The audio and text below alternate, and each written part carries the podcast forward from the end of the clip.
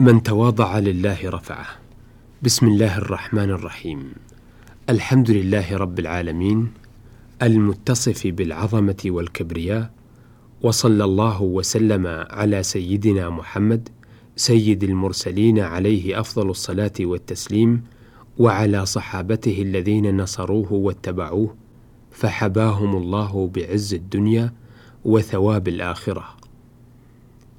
وما ذلك إلا لتواضعهم وخضوعهم وذلهم لخالقهم وانقيادهم أتم الانقياد لرسوله. واجتنبوا كل صفة ذميمة اجتنبوا الكبر والتيه والإعجاب والغرور. فلم يتخذوها لهم سبيلا ولم يرتضوها لهم خلقا وطريقا. وبعد فالتواضع أيها المستمعون الكرام صفة حميدة شريفة وصاحبه له الدرجات الرفيعة. يحظى بكل خير ويسلم من كل شر. يحظى بعلو المنزلة عند خالقه ويعافى من صفة إبليس الطريد اللعين الذي تكبر عن امتثال أمر ربه بالسجود لأبينا آدم مفتخرا بأصل خلقه حيث خلق من نار وآدم من صلصال كالفخار. فالتواضع له فوائد جمة ومزايا حميدة عدة لو لم يكن فيها إلا أنها تكسب محبة صاحبه وتزرع في قلوب الناس مودته بأن يكبر في عيونهم عند تواضعه. ويصغر ويحقر إذا مشى واختال وتكبر وصعر خده. وجاء في الأثر عن أبي هريرة رضي الله عنه أن النبي صلى الله عليه وسلم قال ما نقصت صدقة من مال ولا زاد الله عبدا بعفو إلا عزا ولا تواضع أحد لله إلا رفعه الله. كل ذلك فضل من الله على عبده بأن امتثل أمر الله فعطف على خلق الله بماله وعفى عمن ظلم برجاء الثواب من عند الله.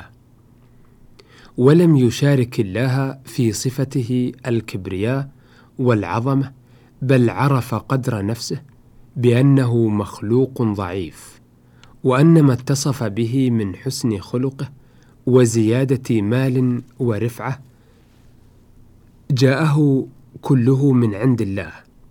قال بعض العلماء الواجب على العاقل لزوم التواضع ومجانبة الكبر ولو لم يكن في التواضع خصلة تحمد إلا أن المرء كلما كثر تواضعه ازداد بذلك رفعة لكان الواجب عليه ألا يتزيا بغيره. أيها المستمع الكريم إن التواضع يكون من الإنسان على نوعين أحدهما محمود والثاني مذموم. وكلاهما مشعر بالذلة والخضوع. أما المحمود فهو ترك التطاول على الناس وعدم غمط حقوقهم وخدش كرامتهم وتقديرهم بما يستحق تواضعا لله وخوفا من عقابه. وفهمه لحكم الله بتفاوت خلقه. وأما المذموم فهو الذل والخضوع لذي الدنيا من أجل دنياه رغبة فيما عنده وطمعا في ماله وغير مبال بما يذهب عليه من ثواب الله الذي هو خير وأبقى من الحطام الفاني. ولربما ذهب عليه شيء من أمور دينه الذي فيه صلاح معاشه ومعاده بسبب هذا التواضع المذموم.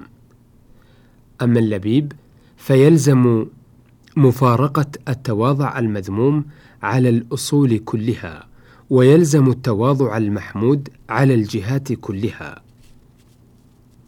والتواضع لله عز وجل على ضربين أحدهما تواضع لربه عندما يأتي من الطاعات غير معجب بفعله ولا راء له عنده حالة يوجب بها أسباب الولاية إلا أن يكون المولى عز وجل هو الذي يتفضل عليه بذلك. وهذا التواضع هو السبب الدافع لنفس العجب عند الطاعات. والتواضع الآخر هو ازدراء نفسه. واستحقاره إياها عند ذكره ما قارف من المآثم حتى لا يرى احدا من العالم إلا ويرى نفسه دونه في الطاعات وفوقه في الجنايات. وقد فسرت الخشية التي امتدح الله بها أنبياءه وأولياءه في التواضع في قوله تعالى إنهم كانوا يسارعون في الخيرات ويدعوننا رغبا ورهبا وكانوا لنا خاشعين أي متواضعين فيما يأتون من الطاعات لربهم. أيها المستمعون لزاما على كل مسلم التزام التواضع لإخوانه المسلمين.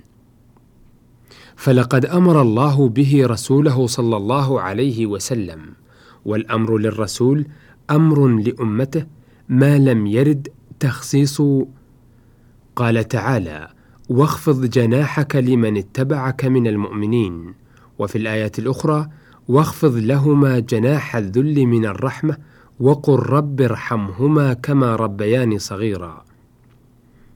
وكما أمر رسوله إمام الأمة بأن يتواضع لرعيته أمر الرعية بأن يتواضعوا لولي أمرهم في حدوده. وإذا استقرأنا نصوص القرآن والسنة وجدنا لكل أحد من الخلق عليك حق من التواضع. فللصغير بالعطف عليه والشفقة وسبقك له بالذنوب وتتواضع مع الكبير لسبقه لك بالإسلام والتجارب. ففي الحديث ليس منا من لم يرحم صغيرنا ويوقر كبيرنا. وإن كنت متوليا أمرا من أمور المسلمين فالتواضع بالبشاشة وانطلاق الوجه ومن ضمن فوائد التواضع ما ورد عن عمر بن الخطاب رضي الله عنه إن الرجل إذا تواضع لله رفع الله حكمته والحكمة كناية عن القدر. ومن فوائد التواضع أنه يكسب السلامة ويورث الإلفة ويرفع الحقد وثمرة التواضع المحبة كما أن ثمرة القناعه الراحة وأن تواضع الشريف يزيد في شرفه كما أن تكبر الوضيع يزيد في ضعته.